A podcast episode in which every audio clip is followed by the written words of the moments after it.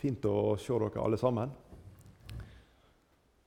Jeg har det litt sånn når jeg skal både tale om ting, og kanskje spesielt også når jeg skal synge om ting som ligger veldig nært hjertet mitt.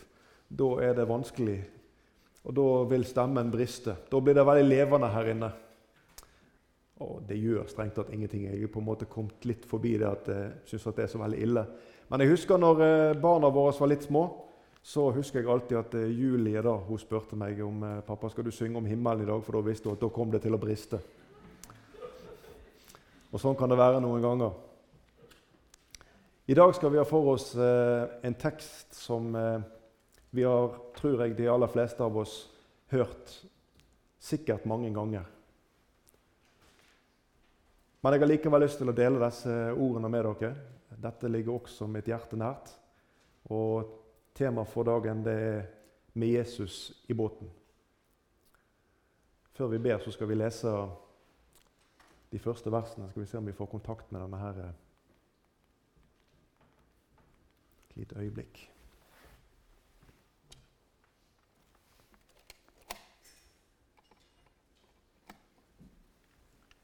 Vi ser om vi får kontakt.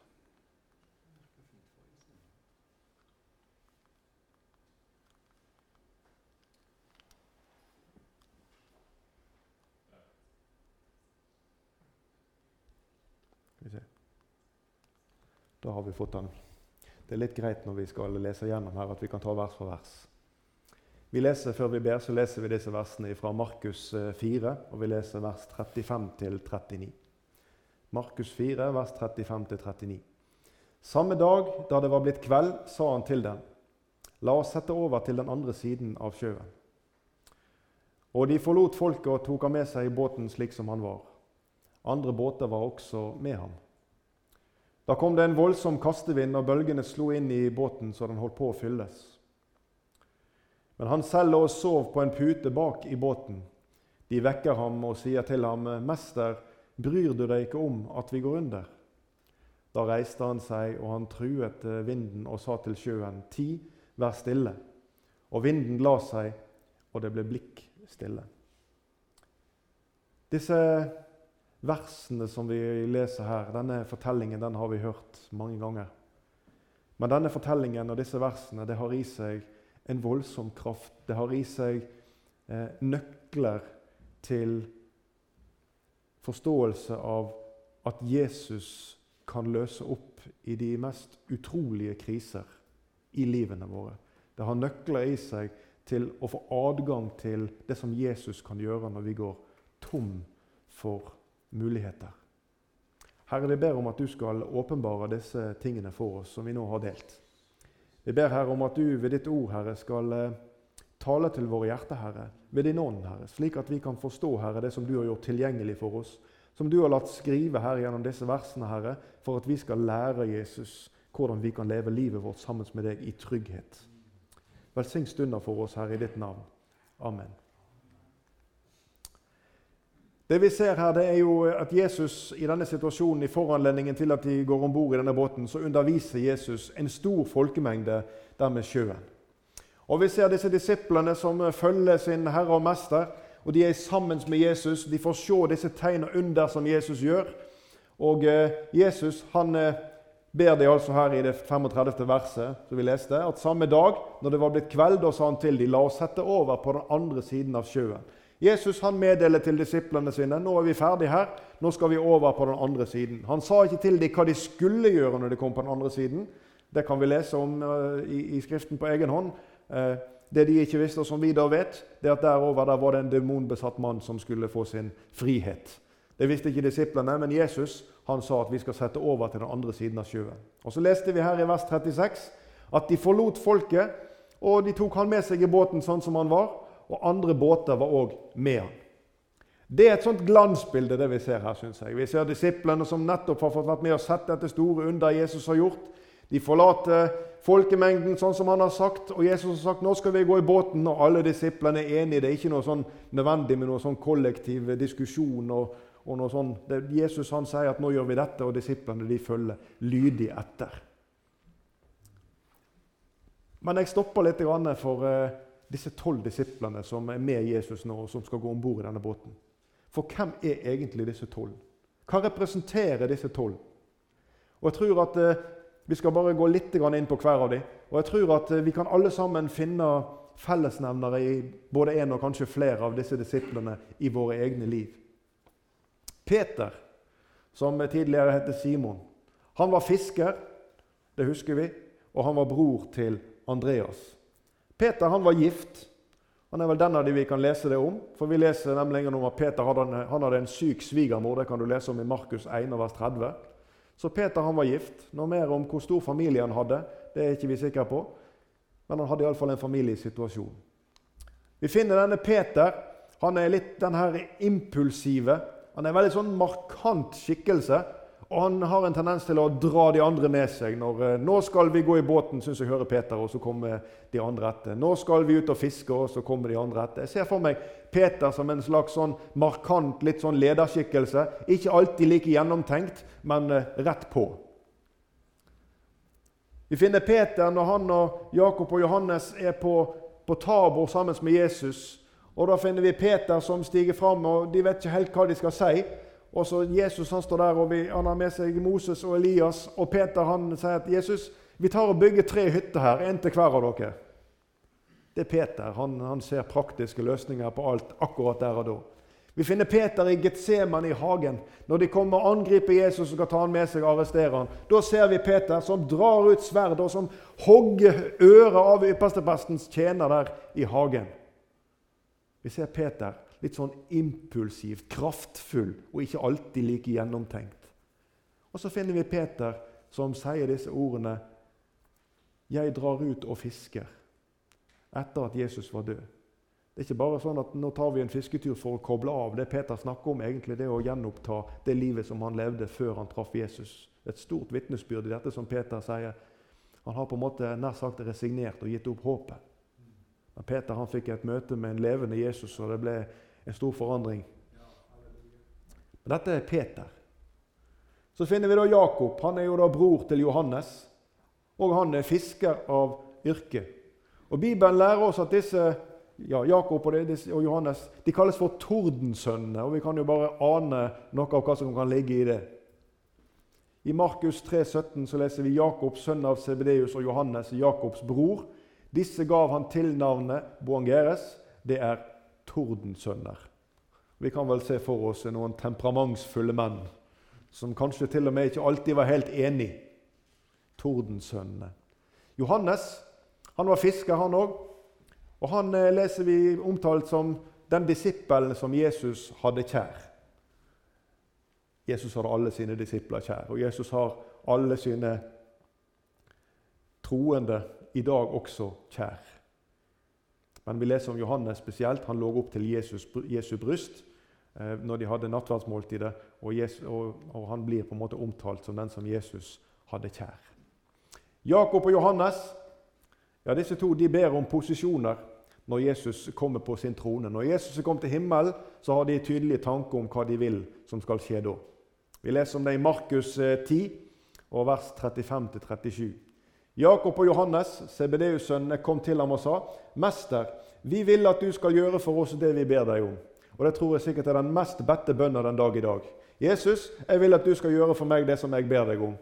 Og Så kan vi bare smile når vi ser disse to som kommer, og så kan vi egentlig konstatere at ting har ikke forandret seg så veldig mye. Ofte så har vi tydelige tanker om hva vi vil Jesus skal gjøre for oss, og hvordan det skal skje. Amen. Du kjenner deg igjen? Han sa til dem hva vil dere så at jeg skal gjøre for dere? De sa til ham, Gi oss at den ene av oss må sitte ved din høyre og den andre ved din venstre side i din herlighet. Se det. De hadde tanker som handla om selvbilde, om et opphøyd selvbilde. Om å ha spesielle posisjoner i himmelen. Om å være de som skulle ha hedersplassene der ved Jesu høyre og venstre side. Det vi ser her, det er jo bare hvordan eh, nær sagt egoismen og selvbehovet kommer til uttrykk. Jesus, vi vil at du skal gjøre for oss det vi ber deg om. Andreas, Andreas han var fisker, han var fra Kapernaum, og han var altså en yngre bror av Peter. Det er Andreas som fører bror sin Simon til Jesus etter at han har hørt døperen Johannes. Og Døperen Johannes han beskriver Jesus som Guds lam. Du kjenner dette bibelverset når han sier 'Se der Guds lam som bærer verdens synd'. Og Andreas han hører disse ordene, han hører Johannes forkynne, og han går til Simon. Vi leser Johannes 1, og vers 41 og 42. Han finner først sin egen bror Simon og sier til ham, 'Vi har funnet Messias.' Det betyr Kristus. Og han førte ham til Jesus. Jesus så på ham og sa, 'Du er Simon, Johannes' sønn. Du skal kalles Kefas.' Det betyr Peter. Slik var det altså at Peter kom i Jesu nærhet. Philip han var også fisker. Han var fra Betzaida, og han vitna jo òg om Jesus straks etter at han har blitt kalt. Vi leser Johannes 1 og versene videre der, 43-45. Og leser vi om Jesus at dagen etter ville han dra til Galilea. Han finner Philip, og Jesus sier til ham, 'Følg meg'. Philip var fra Betzaida, fra Andreas og Peters by. Og Philip han finner Natanael og sier til ham, 'Han som Moses har skrevet om i loven, og som profetene har skrevet om, han har vi funnet.' Jesus, Josefs sønn fra Nasaret. Dette her siste verset her, det kunne vi hatt bibeltime om. Han som Moses har skrevet om i loven, og som profetene har skrevet om, han har vi funnet. Jesus, Josefs sønn fra Nasaret. De var vant til å høre. De hadde hørt de skriftlærde fortelle og lese fra de gamle skriftene, Mosebøkene og profetene. De kjente profetiene om Messias som skulle komme. De levde på en måte i en slags kunnskapstilværelse om at dette var ting som skulle, skulle oppfylles. Og så har de hørt ordet, og så kommer Philip og finner talen, og så sier han Han som Moses har skrevet om i loven. Han som profetene har skrevet om, han har vi funnet. Det er Jesus, sønn fra Nasaret. Josefs sønn fra, fra Nasaret. Om Bartolomeus så ser vi ikke så veldig mye i Bibelen, annet at han var en av Jesu tolv disipler. Vi finner han nevnt i disse apostellistene som vi finner i, i Nytestamentet. Og Hvis vi går inn og leser litt på, på grunnteksten der, og ser på, på, på den arameiske teksten, så ser vi at han heter Bar Tolmai, altså sønn av Tolmai. Og Tolmai det betyr da plogdrageren. Og Det er kanskje et familienavn da etter farens yrke eh, Bartolomeus har. Men han er en av Jesu utvalgte tolv. Matteus han var jo sønn av en som heter Alfeus, og han arbeider som toller i Kapernaum.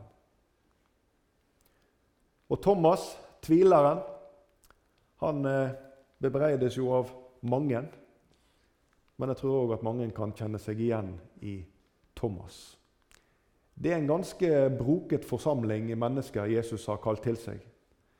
Det er nokså ulike bakgrunner. Det kommer til uttrykk i livene deres eh, forskjellige ting. Noen eh, som vi sa her, de er omtalt som tordensønnene. Peter han er den som stiger frem og gjør både det ene og det andre. Litt sånn impulsivt og ugjennomtenkt. Vi finner Thomas som er tvileren her. Vi finner Bartolomeus, som egentlig ikke er beskrevet noe særlig mer, som et slags ubeskrevet blad. Eh, ikke viden kjent, men likevel utvalgt av Jesus. Vi finner hele spekteret i Jesu valg. Så har vi da Judas Iskariot. Han med det delte hjertet. Han som sånn ytre sett var en av de tolv. Som vandra sammen med Jesus. Og ikke bare det. Han var vitne til Jesu undre sammen med de tolv, for det står at Jesus han gav de makt til å helbrede sykdommer og drive ut onde ånder. Judas han var blant disse tolv. De tolv utvalgte det kan vi lese om, og vi skal lese noen vers i Markus 3, og vers 14-19. Nå leser vi om disiplene her. Han tok ut tolv som skulle være sammen med han, og som han kunne sende ut for å forkynne og ha makt til å helbrede sykdommer og drive ut onde ånder. Simon, som han ga navnet Peter, Jakob, sønn av Sebedeus, og Johannes, Jakobs bror, Disse gav han tilnavnet Boangeres, det er tordensønner. Og Andreas og Philip og Bartolomeus og Matteus og Thomas og Jakob, sønn av Alfeus og Tadeus. Simon Kana, Kanan, Kananeus, unnskyld, jeg ser jo så dårlig der bak på veggen. Judas Iskariot, han som forrådte ham. Disse tolv er det Jesus har utvalgt, og som skal være med ham. Som vi leste, som han ga makt til å helbrede, til å drive ut onde ånder. Som han kunne sende ut til å forkynne. Disse tolv med en så forskjellig bakgrunn. Og Nå er vi tilbake igjen i båten. Jesus han har bedt disse tolv, som vi nå har lært litt om, bare helt sånn overfladisk Disse tolv, denne forsamlingen, de skal nå om bord i båten. Fellesnevneren for disse tolv Vi har lært nå litt om hvor forskjellige de er. Men fellesnevneren for de alle det er altså at Jesus han har kalt dem, og Jesus han har utrustet dem. De har en helt forskjellig livssituasjon, disse. De har forskjellig bakgrunn. Selv om flere av dem var fiskere, så hadde de noen av dem iallfall veldig avvikende yrke. Toller, lege og forskjellige personligheter. Og Hvis vi går litt inn og ser, så ser vi at her finnes det noen som er selvopptatte. Det finnes eh, noen impulsive, det finnes noen sånn skikkelig hissigpropper. Det finnes noen som er egenrådige. Vi finner tvilende, som Thomas, og vi finner en forræder. Og alle disse er kalt av Jesus. Og de har alle sammen sett, vært vitne til det Jesus kan gjøre for mennesker. De hadde sett hans under. De hadde sett når små, to små fisker og fem små brød ble til mat til over 5000. De hadde vært til stede når de samla inn restene, og det ble tolv kurver til overs. De hadde sett når Jesus la hendene sine på spedalske og lega dem. De hadde vært vitne til at blinde ble seende igjen, og at lamme kunne gå. De hadde førstehåndskunnskap. De hadde sittet på første rad når disse tingene skjedde. Og Jesus hadde gitt dem disse denne, denne utrustningen, at også de skulle kunne legge hendene sine på syke og be for dem og bli, at de syke skulle bli helbredet. Jesus hadde gitt dem disse tolv denne utrustningen. Men nå får på en måte denne fortellingen hel, en helt ny dimensjon. For til tross for alt det vi har hørt om både personligheter, egenskaper, sjøvanthet og alt det som Jesus har gitt dem, og alt det de har sett, så kommer stormen. Og Vi leser i Markus 4, og så leser vi vers 37 og 38. Da kom det en voldsom kastevind, og bølgene slo inn i båten så den holdt på å fylles. Men han selv og sov på en pute bak i båten. De vekker ham og sier til ham, 'Mester, bryr du deg ikke om at vi går under?' I Matteus 8 kan du lese den samme beretningen, og da leser vi vers 24. Og se, det blåste opp en kraftig storm på sjøen. Markus snakker om en voldsom kastevind. Matteus skriver en kraftig storm på sjøen, så båten ble skjult av bølgene. Jesus han stiller et utrolig spørsmål. Når disiplene er vettskremte Noen av disse, og ganske mange av dem som vi leste, er sjøfolk. Ja, ja, i alle fall vant på Genesaretsjøen. Vant med dårlig vær, vant med å være i båt, vant med å vite hva alt dette her dreier seg om. Her står de redde og bleike og rister i Jesus. 'Jesus, sover du? Veit du ikke at vi holder på å gå under?' Og Når Jesus våkner, så er det liksom ikke sånn hoppe opp og ser seg omkring og bare ta tak i problemstillingen, og så er det ferdig. Jesus han stiller dem et forunderlig spørsmål, og du leser det spørsmålet i Matteus 20, Matteus 8, vers 26. Hvorfor er dere så redde? Ja, Er det noe spørsmål å stille Jesus? Båten den, jo, den holder på å fylles av vann, og vi holder på å synke. Vi kommer til å dø. Hvorfor er dere så redde? Spørsmålet kan jo nærmest virke som en hån imot vante sjøfolk. Og du har kanskje kjent igjen disse følelsene som kan oppstå i møte med dette. Når det står at alle ting samvirker til gode for dem som elsker Herren. Og så tenker du med deg sjøl i ditt hjerte nei, det gjør det sannelig ikke. For hvordan skal det muligens kunne komme noe så helst godt ut av det som jeg opplever i livet mitt nå? Hvorfor er dere så redde? Du skjønner Gud ser lenger enn du og jeg. Jeg har lyst til å vise deg noe inn i grunnteksten. Når Matteus bruker ordvalget og skriver 'en kraftig storm', så er det ordet som beskriver hvor dramatisk og hvor kraftig denne stormen her er i grunnteksten, det er brukt ordet som heter seismos. Og Det brukes to ganger til av Matteus. Altså, det brukes tre ganger totalt sett. Den ene gangen når dette ordet blir brukt i Bibelen av Matteus, så er det når Jesus dør på Golgata. Og Vi leser Matteus 27, vers 51-52. Og se, forhenget i tempelet revna i to ovenfra og ned, og jorden skalv, og klippene revnet. Gravene åpnet seg, og mange av legemene til de hellige som var sovnet inn, sto opp. Dette er en av de to gangene. Og så leser vi den andre gangen. Det er når Jesus står opp. Og Vi leser her i Matteus 28, vers 2 og c.: det ble et stort jordskjelv. For en Herrens engel steg ned fra himmelen, gikk fram og rullet steinen til side og satte seg på den.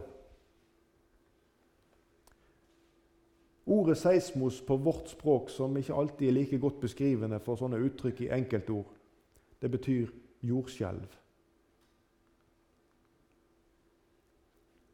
Det er det som skjer her i båten. Det er på en måte for å beskrive styrken av den situasjonen som skjer her i båten. Det er seismos. Matteus 28, 25. Da gikk disiplene bort til ham og vekket ham og sa, 'Herre, frels oss, vi går under.' Her er det ingen utvei. Og frykten den har helt åpenbart tatt overhånd for disiplene. Der er ingen vei ut av denne situasjonen. Båten fylles raskere enn vi kan tømme den. Uværet det bare velter innover oss, og vi har ingen muligheter. Og Seismos det beskriver bare det alvoret som er i denne situasjonen. Og Ordet er brukt altså totalt som jeg har sagt, tre ganger av Matteus. Når Jesus dør på korset, når steinen blir rullet bort fra graven hans, og her i båten når frykten skal stilles. Legg merke til at ordet seismos i disse tre anledningene er brukt i en foranledning til en demonstrasjon av Guds makt. Det å slåss med frykt det er det mange mennesker som gjør i dag. Og Kanskje du, sånn som disiplene, opplever at det kommer plutselig storm inn i livet ditt. Kanskje opplever du at omstendighetene blir så overveldende at du lurer på hvor henne Jesus er henne. Du lurer på ser han deg. Og så går du, også, går du til ordet, og så nær sagt litt sånn i overført betydning, så rister du tak i Jesus og sier han, 'Sover du, Jesus?' Og så slår du opp i Bibelen din og så prøver du å finne trøst, og så leser du disse ordene. 'Hvorfor er du så redd?' Gud har hånd om situasjonen, kjære deg. Hvordan er det Jesu disipler forholder seg i stormen?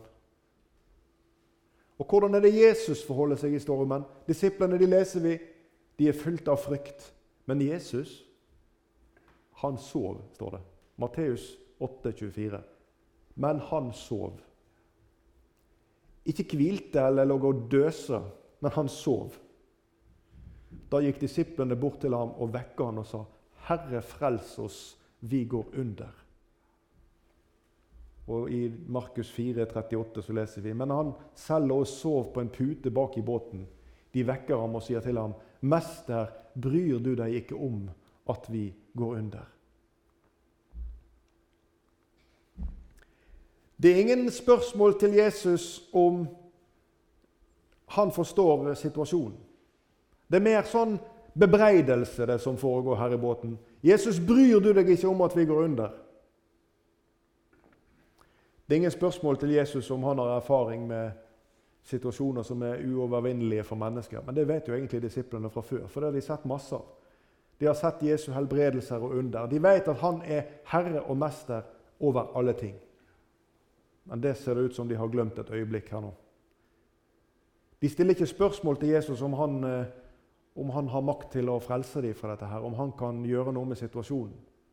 Det er bebreidelse vi finner her. Og det er selve karakteren til Jesus som nær sagt blir trukket i tvil av disiplene her når de stiller dette spørsmålet til ham. 'Jesus, bryr du deg ikke?'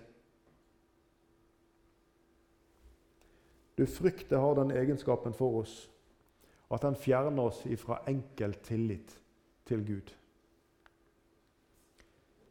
Når vi blir redde, så tenderer vi til å uteglemme at Gud kan alt. Og vi blir litt sånn som disiplene. At vi ser på omstendighetene, og vi ser på båten som er i ferd med å fylles. Og så glemmer vi litt den enkle tilliten til Gud. Frykt kan òg gjøre oss sinte. Jeg har møtt mange mennesker som sier at de er sinte på Gud. Og Mange ganger så er dette sinnet knyttet til at vi vil så gjerne ha kontroll. Vi vil gjerne at Gud skal svare oss sånn som vi har bedt han om. Vi vil at du skal gjøre for oss det vi har bedt deg om. Vi vil at Gud skal gripe inn. Og når han ikke gjør det når vi har tenkt, og i hvert fall ikke hvordan vi har tenkt, ja, så kan vi bli sinte. Hvorfor skjer dette med meg? Og En ting som i fall jeg kan være med og vitne om for min egen del, og kanskje du kan identifisere deg med det du også, at frykt svekker hukommelsen om de undergjerninger Gud har gjort før. For akkurat nå så er det så annerledes. Akkurat denne situasjonen den er så annerledes enn alle de andre gangene Gud har hjulpet. Ja, jeg vet at han kan både det ene og det andre, men akkurat dette er så vanskelig. Ja, Du kjenner kanskje igjen tanken som kommer snikende. Når djevelen prøver å fortelle deg at dette, dette ligger utenfor rammen.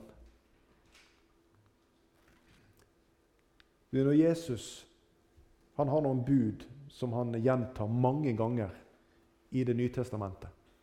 Og det mest gjentatte budet som Jesus forkynner i Det nye testamentet, det heter 'frykt ikke'. 125 sånne Jesusbefalinger i ulike kategorier finnes det gjennom Nytestamentet. Jeg måtte slå opp i et leksikon og finne det ut. Jesus har 125 slike befalinger. Og Hele 21 av disse befalingene de er oppfordringer til ikke å frykte. Og Bare for å sette dette her i, i perspektiv, så er det nest vanligste bud som Jesus gir. Og det gir han åtte ganger. Det gjelder å elske Gud og vår neste. Og Det forteller oss noe om at Jesus han tar vår frykt på alvor. Det forteller oss noe om hvor stor plass i Jesu budskap han bruker til å behandle det som han vet er et problem for oss. Han vet at frykten tar oss bort fra den enkle tilliten og troen til Gud. Jesus vet hva frykten hvilken impact den har på oss som troende. Og han tar det virkelig på alvor. Jeg får repetere spørsmålet og si at kanskje, kanskje du kan kjenne deg igjen. Kanskje du kan identifisere deg med en av, eller kanskje flere av disse tolv personlighetene som vi leste om. Vi leste om den impulsive og litt egenrådige og veldig handlekraftige Peter. Han som sa at eh, 'Jesus, jeg er klar til å gå i døden deg, for deg', og i neste øyeblikk så hadde han fornekta han tre ganger. Eller kanskje tvileren Thomas, som måtte se, ta på, føle på før han kunne tro, sa han. Eller kanskje litt sånn selvopptatt, sånn som Jakob eller Johannes.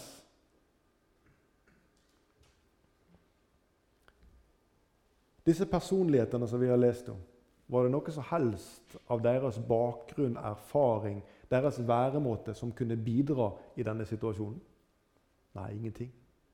De hadde det til felles at de ble grepet av frykt. Og de var helt ute av stand til å redde seg sjøl. Men Jesus kan hjelpe. Og jeg må få spørre deg, for dere ser så fine ut alle sammen her dere sitter og ser på meg her oppe. Tror du Jesus kan hjelpe deg med det som har inntruffet i ditt liv? Det som helt sånn uventa bare kom kvelvende innover din livsbåt, og den fylles fortere enn du kan ause den. Tror du Jesus kan hjelpe med det? Fjerne frykten deg fra den enkle tilliten til at Gud kan løse det du har på dine hender. Eller tenker du at stormen som du har i ditt liv, den er litt sånn annerledes?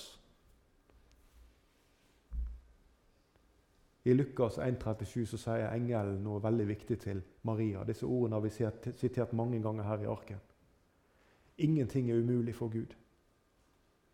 Det finnes ingen problemstilling som ikke er løsbar for Gud.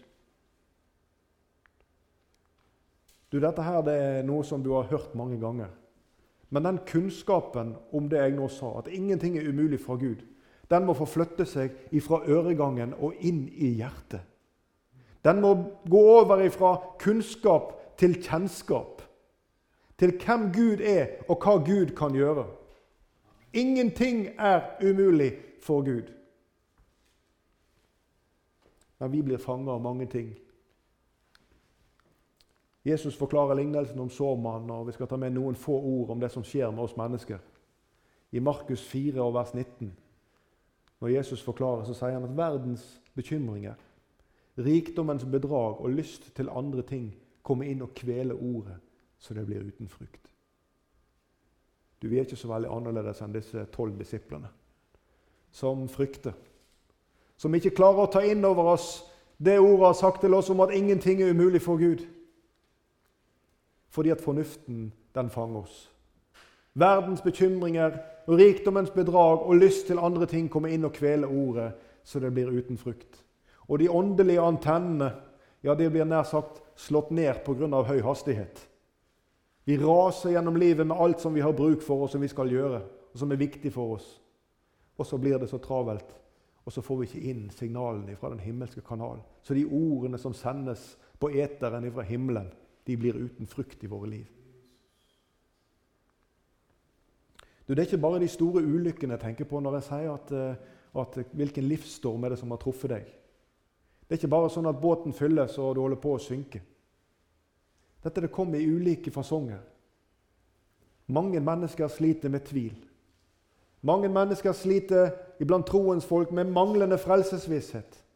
Og veldig mange mennesker er fanga av denne verdens jag. Denne stormen, kjære deg, den har mange navn. Og jeg vet ikke hva den heter, den stormen som har truffet deg.